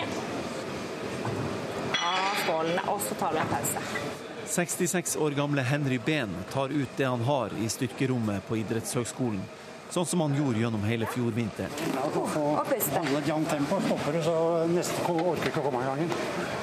Oslomannen Henry Behn røkte i 50 år, og til slutt fikk han lungekreft. Han ble operert, og ikke lenge etter satte forsker Elisabeth Edvardsen han og andre lungekreftopererte i hardtrening tre ganger i vekka i 20 uker. kontrollgruppe skulle ikke trene. På Ullevål sykehus skulle resultatet måles. Ja, ferdig. Ja, veldig fint. Kom igjen nå, Henri. Nå jobber du på. Inn og ut. Å, pust og pust. Selv med et skrøpelig utgangspunkt og deler av lungene skorer vekk, Effekten er svært god for pasientene som drev hardtrening, sier Edvardsen. De har fått en markant økning i kondisjonen sin, og så har de blitt veldig mye sterkere. Og I tillegg til det så har vi også sett at eh, de fleste av disse pasientene har også lagt på seg ren muskelmasse. Og Derfor så mener vi at det å komme raskt tilbake i rehabilitering for denne pasientgruppa spesielt, det er uhyre viktig. For sin egen del er i hvert fall Henry Behn fornøyd med framgangen. Nå er formen bra. Og før eh, ja, Før skulle jeg nesten ikke gå trappene opp, men nå løper jeg opp. Reporteren var Kjartan Rørslett. Høyre-leder Erna Solberg har mer å gi i regjeringssonderingene, men er usikker på om hun har råd. I dag møtes de fire borgerlige partiene til nye samtaler. Jeg tror vi finner en løsning den ene eller andre veien om ikke så altfor lenge. Det sa Erna Solberg i går, og i dag fortsetter forsøkene på å finne grunnlag for en regjering med fire partier. For det er det statsministerkandidaten helst vil. Og hun har full ryggdekning i partiet for å strekke seg langt for å få det til. Men det koster. Jo, Viljen til kompromiss på Venstre på mange områder er ganske stort. Men det er noen store seire vi skal ha på noen viktige områder for at det skal være verdt. For både Venstre og KrF har politiske krav som ikke bare handler om prinsipper. De koster penger. Mye penger. Viktige politiske saker for oss som familie, menneskeverd og en god distrikt- og landbrukspolitikk Solberg er altså villig til å gi mer politisk, selv om det skulle svi for Høyre. Problemet er at det kan begrense regjeringens økonomiske handlingsrom i årene fremover. Hun vil for all del unngå å ende opp med for lite penger til skattekutt og andre valgløfter. Etter det NRK erfarer, preges sonderingene nå av at synet på økonomi, pengebruk og økonomisk handlingsrom skiller de fire partiene. Det gjør ikke saken noe enklere for Solberg. Ingenting er klart før alt er klart. Reportere her var Katrin Hellesnes og Lars Nehru Sand. Og Den nye regjeringen må stake ut en helt ny kurs i klimapolitikken. Det mener Naturvernforbundet. I dag kommer en ny rapport fra FNs klimapanel med de siste resultatene fra internasjonal klimaforskning. Det er sein torsdagskveld i Stockholm. Og det har blitt mange seine kvelder denne veka for de som har vært samla her siden mandag. Oppdraget har vært å snekre ferdig et 30 sider langt sammendrag av den 1000 sider store rapporten fra FNs klimapanel. Forskerne er mer sikre enn før på at klimaendringene skyldes mennesker sine utslipp. Rapporten forteller om temperaturøkning, mer smelting av is og et havnivå som stiger stadig raskere. Nye fakta kommer på bordet. Dette må få konsekvenser for norsk politikk, sier Lars Haltbrekken i Naturvernforbundet. Han forventer en rekke nye miljøtiltak fra den nye regjeringa. Mer kollektivtrafikk, kutt i utslippene fra oljeindustrien. Den nye regjeringa må sette Norge på en helt ny kurs i klimapolitikken. Vi har økt våre utslipp kraftig siden 1990. Vi må nå gjennomføre store utslippskutt, sånn at vi også er del av den globale dugnaden for å berge kloden fra en framtidig klimakatastrofe. Reporter i Stockholm er Eivind Molde.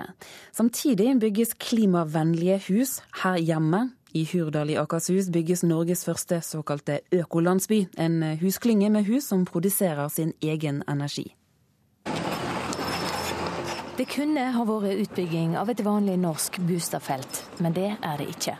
De 150 husene som skal bygges i lia over Hurdalssjøen, skal nemlig produsere mer energi enn de bruker. De er laget av tre med trefiberisolasjon.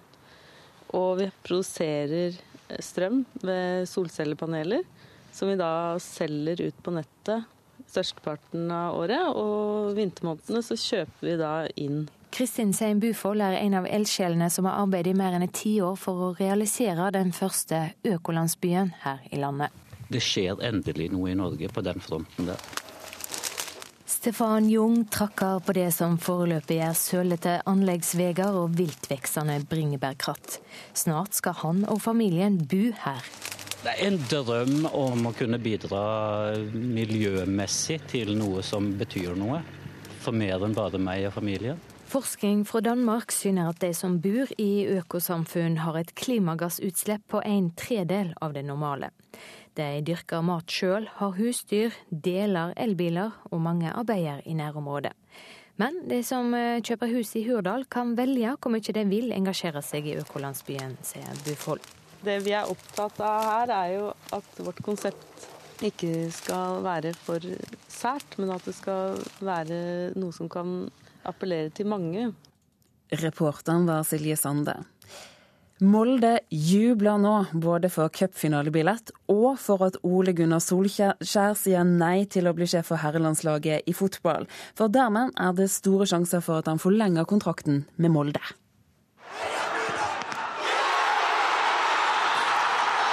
Ellevill Molde-jubel da cupfinale mot Rosenborg ble sikra etter straffekonk mot Lillestrøm på Åråsen i går. Det er den cupfinalen vi ønsker oss, da. Det, det må nå være sånn.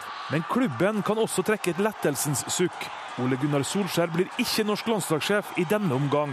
Jeg satser på å bli værende der. Han er selv kryptisk på om han har gitt forbundet endelig beskjed om at han ikke er aktuell nå. Jeg er nok en klubbtrener, for å si det sånn.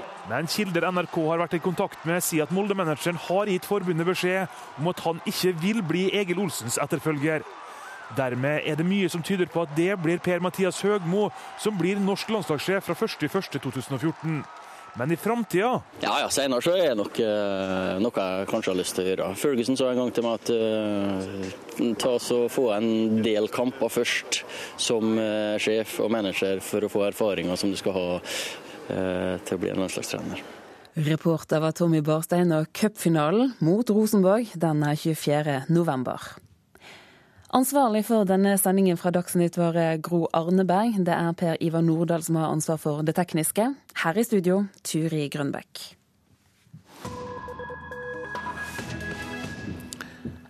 Ja, du lytter til P2s Nyhetsmorgen. Cuba står midt oppe i de største økonomiske reformene siden Fidel Castro tok makten i 1959. Denne uken var Fidel Castros sønn på besøk i Oslo, og han eh, nektet for at onkel og president Raúl Castro er i ferd med å kaste kommunismen over bord og innføre kapitalisme. And the infant, infant mortality rate is six, han har kanskje ikke arvet sin fars talegaver og retoriske slagkraft, men av utseende er Fidel Castro Diaz Balart som snytt ut av Fidel seniors nese. Denne uken besøkte den 64 år gamle Fidel junior, eller Fidelito, Norge for første gang. For å delta på et seminar om hjemlandet ved Norsk utenrikspolitisk institutt. Fidelito ble født av Fidel Castros første kone, Mirta Diaz Balart. Bare fire år før pappa Fidel gjennomførte sitt første kuppforsøk mot Fulgencio Batista i 1953, og endte bak lås og slå. Nå er det et helt annet Cuba som diskuteres når Fidel Castro Diaz Balart reiser rundt i verden. Onkel Raúl Castro tok over som president i 2006, og har iverksatt det største reformprogrammet på øya siden revolusjonen i 1959. Markedsreformer må til, og staten må slankes, innrømmer nå kommunistregimet. Som følge av 313 reformer vedtatt av partikongressen i 2011, får nå cubanerne åpne sine egne bedrifter, og til og med ansette andre cubanere i lønnet arbeid. 400 000 cubanere jobber nå i privat sektor, mot 150 000 for bare tre år siden. En storstilt jordbruksreform er også satt i gang. Er Cuba i ferd med å innføre kapitalisme? Cuba is, is a country that doesn't live in a lab. It lives in an international context where Cuba lever ikke i et laboratorium, men i en internasjonal kontekst der visse økonomiske lover styrer. Kapitalismen har skapt grobunn for smarte tanker rundt økonomisk styring og innføring av nye ideer og teknologi. Og disse kan vi ta i bruk, for de er ikke nødvendigvis koblet til kapitalisme som økonomisk system. Vi bryr oss ikke hvor det kommer fra, bare om hvordan det tas i bruk sier Castro, som vil kaste de gamle dogmene om kapitalisme og kommunisme over bord. not from a point of view of dogmas. You know, that is the best, the weakness of all this analysis. Kapitalisme eller ikke. Cubas reformer sammenlignes uansett med dem to andre kommuniststater har gått gjennom de siste årene, Kina og Vietnam. I begge land, og særlig i førstnevnte, har statens innføring av markedsøkonomiske reformer skapt en styrterik elite på toppen, stikk i strid med kommunismens idealer. Er den yngre Castro redd for at det samme skal skje på Cuba? Jeg har stor respekt for hva Kina og Vietnam prøver å gjøre, men de må passe seg for å ikke gjøre det for fort, fordi det kan føre til store forskjeller. Slik sett har de nok dårlig erfaring med å slippe en brutal kapitalisme løs for raskt, sier Castro. Og så til slutt, da, det vi alle lurer på. And one thing we're very concerned about, of course, how is how is your father doing? That's fine thing. You saw the last photo when with, with Correa. Min far har det fint, takk, sier Fidel Castro Diaz Balart. Før han haster videre til ambassadørene, som står i kø for å trykke hånden til revolusjonsheltens sønn. Reporter var Stig Arild Pettersen. Dette er Nyhetsmorgen, dette er hovedsaker. Høyre-leder Erna Solberg har ønske om å gi mer i regjeringssonderingene, men hun er usikker på om hun har råd til det. Statoil må slutte å mase om å bygge ut Lofoten og Vesterålen. Selskapet trenger ikke nye felt nå, mener miljøstiftelsen Zero. Og enighet i FNs sikkerhetsråd om Syria, men vil ikke true landet med militærmakt. Ja, Bjørn Bø, sonderinger om ny regjering fortsetter i dag, men eh, også om klima. Ja, og i dag kommer det nye vekkerrop fra FNs klimapanel. Dessuten spør vi hvordan Senterpartiet skal te seg i den politiske skuggedalen.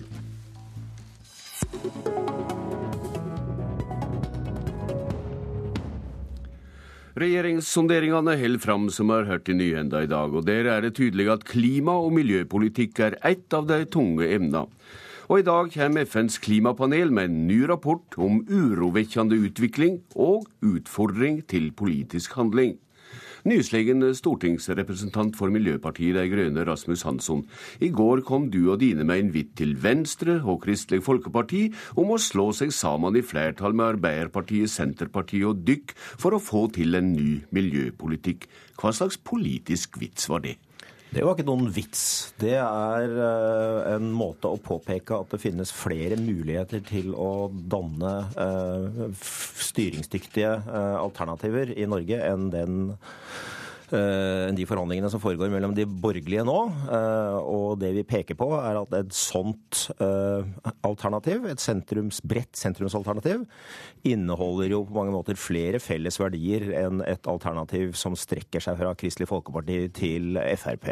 Det forslaget vi har kommet med, forutsetter selvfølgelig at Arbeiderpartiet jekker opp sin miljøprofil dramatisk. Eh, men det kommer jo Arbeiderpartiet til å måtte gjøre før eller senere allikevel. Og vi syns dette er et godt tidspunkt å starte på. Ja, Du syns det er greit å leve i utopien?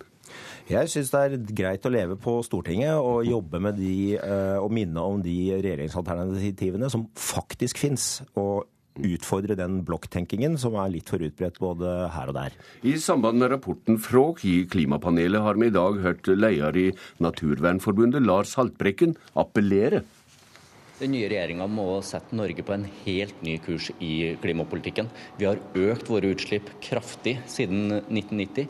Vi må nå gjennomføre store utslippskutt, sånn at vi også er del av den globale dugnaden for å berge kloden fra en framtidig klimakatastrofe. Sentralstyremedlem i Venstre, Rebekka Borch, hvordan mener du denne appellen må følges opp i samtalen om en ny regjering? Nei, Jeg er helt enig i det som ble sagt av Haltbrekken her. Er, vi må kutte egne utslipp. Eh, vi vet hvilke tiltak vi må gjennomføre raskt for å kunne eh, kutte e, utslipp her hjemme. Eh, vi må legge om samfunnet vårt. Det må bli billigere for folk flest å velge grønt og klimavennlig i hverdagen. Vi må ha en stor sted utbygging av fornybar energi. Vi må legge om til kollektivutbygging i alle de store byene. Vi må bruke skatte- og avgiftspolitikken, sånn at den kan bli en bærebjelke i klimapolitikken. Og alt dette innebærer store økonomiske konsekvenser? Det innebærer eh, en del økonomiske konsekvenser, men vi har jo for lengst regnet på fagfolk har jo regnet på at det lar seg gjennomføre egentlig uten problemer. Vi må bare bestemme oss, og vi trenger politisk handlekraft for å gjennomføre disse tiltakene. Miljøtalsmann i Høyre Nikolai Astrup, hvordan vil du få til djupere utslippskutt enn den avgående regjeringa har greid? Vel, Vi har jo gjennom to klimaforlik i Stortinget vist at eh, vi er villige til å være mer ambisiøse enn det den sittende regjeringen eh, har vært. Eh, og jeg er helt sikker på at en ny regjering skal bli enige om en mer ambisiøs klimapolitikk eh, for årene som kommer. Så er det viktig å understreke at dette er ikke et norgesmesterskap. Vi skal selvfølgelig ta vår del av ansvaret, og målet må være å realisere et lavutslippssamfunn i Norge. Men eh, det er veldig viktig i lys av den FN-rapporten som kommer i dag, at vi får til en internasjonal avtale som bidrar til å kutte utslippene globalt. Men du hørte smørbrødlista fra eh, Rebekka Borcher. Eh, hvordan vil du være med å finansiere den?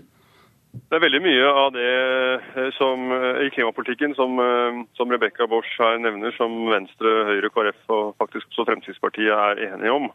Og jeg kan ikke på noen måte gå inn i eller forskuttere klimaforhandlingene, nei, unnskyld, regjeringsforhandlingene som nå pågår i Nydalen. Eh, men jeg er helt sikker på at vi skal klare å bli enige om en eh, mer offensiv eh, klimapolitikk. Men de nye advaringene fra klimapanelet tyder det at det trengs et nytt klimaforlik og et mer ambisiøst klimaforlik, etter ditt syn? Ja, Vi har vært tydelige hele tiden på at klimaforliket som sådan er en bunnplanke og ikke et tak. Og Så må vi bygge videre på det. og Senest før sommeren så fremmet jo Høyre, KrF og Venstre 16 forslag i Stortinget som var konkrete oppfølginger av klimaforliket og forslag til forsterkninger av det. Bors, hva tenker du om innretning av et nytt klimaforlik? Nei, altså Det må jo være mer ambisiøst enn det vi har i dag. Vi må ha større fokus på egne utslippskutt. Eh, I tillegg til det vi skal gjøre internasjonalt, eh, så må vi også snakke om olje- og gassutvinning. Det er helt klart at en del av oljen vår og gassen vår må bli liggende i bakken. Eh, og så er det en, som sagt, en veldig viktig del av et sånt forlik må være skatte- og avgiftspolitikken, som må dra samfunnet i en grønnere retning. Leder i Senterpartiet, Liv Signe Navarsete, du er også med her. I hva mon ser du for deg at eh, det trengs eh, en bedre klimapolitikk enn det de regjering har stått for, når du nå har klimapanelet i mente? Jeg tror historien vil vise at eh, den rød-grønne regjeringen har stått for en god og ambisiøs klimapolitikk. Men jeg sier jo med forventning fram til at opposisjon, eller de som nå blir posisjon, skal følge opp sine egne eh, store ambisjoner som de har hatt i Stortinget, der de hele veien har kritisert oss for å mm. være for lite ambisiøse, og følger selvfølgelig opp det de har foreslått nå konkret, for nå sitter de jo og skal gjøre det. For det er jo de samme parti. Og da vil du være med og hjelpe deg til det, da kanskje? Senterpartiet er et miljøparti, et praktisk miljøparti. Mm. Vi mener at eh, det aller viktigste, der jeg faktisk sammen med Nikolai Astrup, er å få til en internasjonal miljøavtale. Men vi har programfesta at vi skal ta to tredjedeler av eh, utslippene nasjonalt. Vi ønsker òg å sikre, som eh, Venstre sier her, at eh, en del av de ressursene som ligger under havbunnen, faktisk må bli liggende. Og det er jeg helt sikker på at eh, det må de, hvis vi skal greie å redde den kloden. Og det er det viktigste vi gjør i tiden framover. Det er å sikre at vi faktisk mm. ikke får den oppvarmingen av kloden vår som kan eh, true hele eh, livet på denne fantastiske planeten vår. Rasmus Hansson, når du hører disse gode ordene og hører at eh, nesten det finnes semje mellom venstre og høyre, hvor lett tykker du det er å oppfylle ønsket ditt, oppfylle ønsket ditt om å snu norsk politikk på hodet i det politiske klimaet du ser? Jeg tror det blir lettere og lettere, delvis fordi at eh, vitenskapen gjør det mer og mer umulig å fortsette med det som eh, med respekt å melde bl.a. Senterpartiet har vært en eh, pådriver for gjennom denne regjeringen, nemlig å satse alt dette landet har på mest mulig og lengst mulig oljevirksomhet. Alle skjønner etter hvert at det må vi holde opp med. og Det er utfordringen også til Høyre og Astrup, som har vært offensive og gitt mange løfter i valgkampen. Det er å levere en virkelig klimaendring i norsk politikk. Og programlederen brukte litt tidligere i programmet her begrepet utopi. Det som er utopi, det er å sitte stille eh, og drive norsk oljepolitikk mens man venter på at verden skal bli enige om, eh, om tiltak. Vi må gjøre tiltakene selv. Vi må snu vår egen kurs. Eh, og det er det veldig spennende å se om Høyre og deres eh, venner vil være med på nå i dagene som kommer. Nikolai Astrup, i hva mon har det noe å si for norsk klimapolitikk at Miljøpartiet er på Stortinget? La meg først få lov til å kommentere det han sier om norsk petroleumsvirksomhet. fordi Det er helt åpenbart at vi må få flere ben å stå på i Norge. Samtidig så kommer det til å være et behov for olje og gass i flere tiår fremover. Og Det internasjonale energibyrået har jo anslått at det kommer til å være behov for 35 olje og gass i den globale energimiksen i 2050, selv i et togradersscenario. Eh, og omsatt i produksjon så tilsvarer det ca. 90% av dagens produksjon. Og det er ingen som tror at Norge kommer til å være i nærheten av det i 2050. Tvert om så er jo norsk oljeproduksjon eh, halvert uh, siden toppen for, for, drøye ti år siden. Så det går av seg? Uh, men så tror jeg at jeg vil gi Rasmus Hansson honnør for at han har bidratt til at miljøet har kommet høyere opp på dagsordenen i løpet av valgkampen enn det det ellers hadde gjort så er det viktig å understreke at vi har snakket om miljø ikke bare de siste fire ukene, eh, ikke bare de siste fire årene, eh, men vi har snakket om miljø nå i mange år. Og vi hadde, da vi satt i regjering sist, en markant og sterk miljøpolitiker i Børge Brende. Så eh, det blir litt feil når Rasmus Hansson forsøker å fremstille det som om vi er nyfrelste på dette temaet. Dette er noe vi selvfølgelig er opptatt av som et konservativt ansvarlig parti. Rebekka Borch, er det ingen motsetninger mellom dykk og Høyre i dette spørsmålet? Jeg vil jo si at Venstre alltid har hatt en posisjon med å dra Høyre enda mer i grønn retning. Eh, men vi har veldig gode samtaler. Eh, nå sitter verken Nikolai eller jeg i det sonderingsutvalget. Men eh, jeg tenker at det viktigste fokuset framover må være at Norge bruker sin spisskompetanse på miljøteknologi til å virkelig gjøre sats når det gjelder fornybar energiutbygging. Og Der kan vi også levere teknologi som andre land kan ta i bruk. Jeg mener Der er rollen vår fremover. Men dette er ord som er nytta også den sittende regjeringa, Navarsete. Når blir det mer enn ord, tror du? Eh, først må jeg få kommentere det som blir sagt at Senterpartiet bare hauser opp oljeutvinning. Senterpartiet har faktisk eh, vært pådriver for den største satsingen på fornybar energi noen gang eh, i dette landet. Vi har fått til energieffektivisering bl.a. i industrien. Vi har fått ned utslippet fra bilparken. Vi har en praktisk miljøpolitikk som faktisk gir resultat. Og vi er òg villige til å bruke de midlene som trengs. Det skiller oss litt fra andre miljøpartier, som gjerne vil målet, men ikke vil midlene. Seinere i dag så får vi høre hva klimapanelet konkret kommer til å si til oss. Takk til Rebekka Bosch, Rasmus Hansson og Nikolai Astrup. Liv Signe Navarsete, du blir med videre. For det har vært lite å høre til deg etter at det fikk det dårligste valgresultatet noen gang. Hvordan vil du atterreise partiet gjennom opposisjonstilværet? Eh, Senterpartiet eh, har ikke vært så synlig nei etter valget. Det er naturlig nok, i og med at eh, vi sammen med Arbeiderpartiet og SV mm, mm. ikke vant fram med en ny regjering. Da er naturligvis merksemda først og fremst retta mot de som nå skal danne regjering. Senterpartiet har gjennom åtte år levert mm. utrolig mye god politikk knytta til kommunene og velferdstjenestene der. Eh, knytta til eh, ikke minst samferdsel, der jeg vil påstå at Senterpartiet har gjenreist samferdsel som et eh, viktig politikkområde i Norge. Og vi har gjort det på fornybar energi, som vi nettopp har drøfta her nå. I opposisjon vil vi få anledning til å være et konstruktivt opposisjonsparti. Mm. Som både skal pushe eh, da, de kommende regjeringspartiene på, på deres politikk, men òg skal komme med ny politikk. For det er utfordringen for et lite parti i regjeringsposisjon gjennom mm. åtte år. Nemlig òg å greie å utvikle ny politikk. og drive organisasjonsbygging, som vi nå skal gjøre. Vi, vi skal komme litt tilbake til det, men ikke alle har vært like usynlige i denne perioden. Sandra Borch sier hun ikke gidder å være leder i Senterungdommen lenger, og avisa Nasjonen har nytta et par dager på å drøfte etterfølger til deg som partileder. Hvordan går dette inn i din analyse av situasjonen i partiet?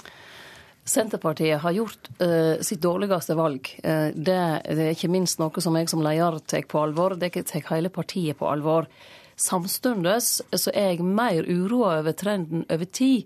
Der vi eh, helt siden starten på 70-tallet, med unntak av EU-valget, har hatt en nedadgående trend. Og det er partiet nødt til å snu. Da trenger vi alle gode krefter til å bygge partiet, ikke til å drive innbyrdes strid framover. Vi trenger nå å stå samla for å greie å gjenreise Senterpartiet som en viktig kraft i norsk politikk. Breiere plattform, sier Borch og klager over vansker med å bli hørt i partiet. Er ikke det relevant når det skal evaluere valgresultatet? Jo, det er det. Og nå har vi satt ned ei evalueringsnemnd som skal gå grundig gjennom hele valget. Både hvem som har kommet med forslag, hva forslag som da ligger på bordet, hva som har blitt hørt og ikke, det ser jeg fram til å få et eh, tydeligere svar på. Eh, men òg hva vi har gjort bra, og hva vi har gjort for dårlig i denne valgkampen. Så må jeg minne om at vi lå faktisk på firetallet før valgkampen begynte. Og vi enda på fem og et halvt. Det var for dårlig, men det var langt bedre enn det kunne se ut i før valgkampen starta. Så attende til opposisjonstilværet. Det kan bli ensomt for dere i Stortinget. Vil det flørte mer med andre sentrumspartier? Eh, Senterpartiet er kjent for å finne løsninger sammen med andre partier. Eh, vi har ikke tenkt å endre det. Eh, vi kommer til å være offensive i opposisjon og komme med våre forslag og søke å være med og danne flertall for den politikken der det er mulig. En nestleder i Bondelaget ytra på et tidspunkt at det er viktig for bøndene at Kristelig Folkeparti går inn i regjering. Hva mener du om det? Ja, eh, nå har Senterpartiet forvalta eh, de felles sentrumsverdiene som vi og Kristelig Folkeparti står sammen om i åtte år. Jeg mener vi har gjort det godt. Det hviler et stort ansvar på KrF å forvalte de verdiene videre som del av et nytt flertall. Mm. Og eh, så blir det opp til KrF om de vil gjøre det best innenfor regjering eller utenfor. Det må de få bestemme sjøl. Men jeg ønsker oppriktig KrF lykke til med de vanskelige drøftingene som de nå er inne i. Det høres ut som de senter sentrumspolitiske rådgivning til Kristelig Folkeparti og Venstre er klår, da? Altså Når det gjelder sentrum i norsk politikk, så vet alle som kjenner meg, og Senterpartiet, tror jeg, sin sjel at vi ønsker oss et sterkt sentrum. Vi trenger sentrum som tredje, en tredje grønn pol, en tredje kraft i eh, norsk politikk, som står for viktige verdier i det norske samfunnet. og det deler vi mye, spesielt med KrF, men òg delvis med Venstre. Hva er de stutte røynsleformidling av å være et lite parti i en slik sammenheng som Venstre og Kristelig Folkeparti er akkurat i dag? Nei, en må være tøff. En må være sta. Uh, enkelte har snakka om sta sogninger, og jeg tror det trengs eh, sta folk både fra Bømlo og, andre steder uh, i de mindre partiene for å greie å stå fast på det som er de viktige verdiene som en står for. Og de kan en ikke spille hasard med. Et hardt liv, altså. Dette Liv Signe Navarsete, takk for at du kom til Politisk kvarter, som er slutt. Jeg heter Bjørn Bø.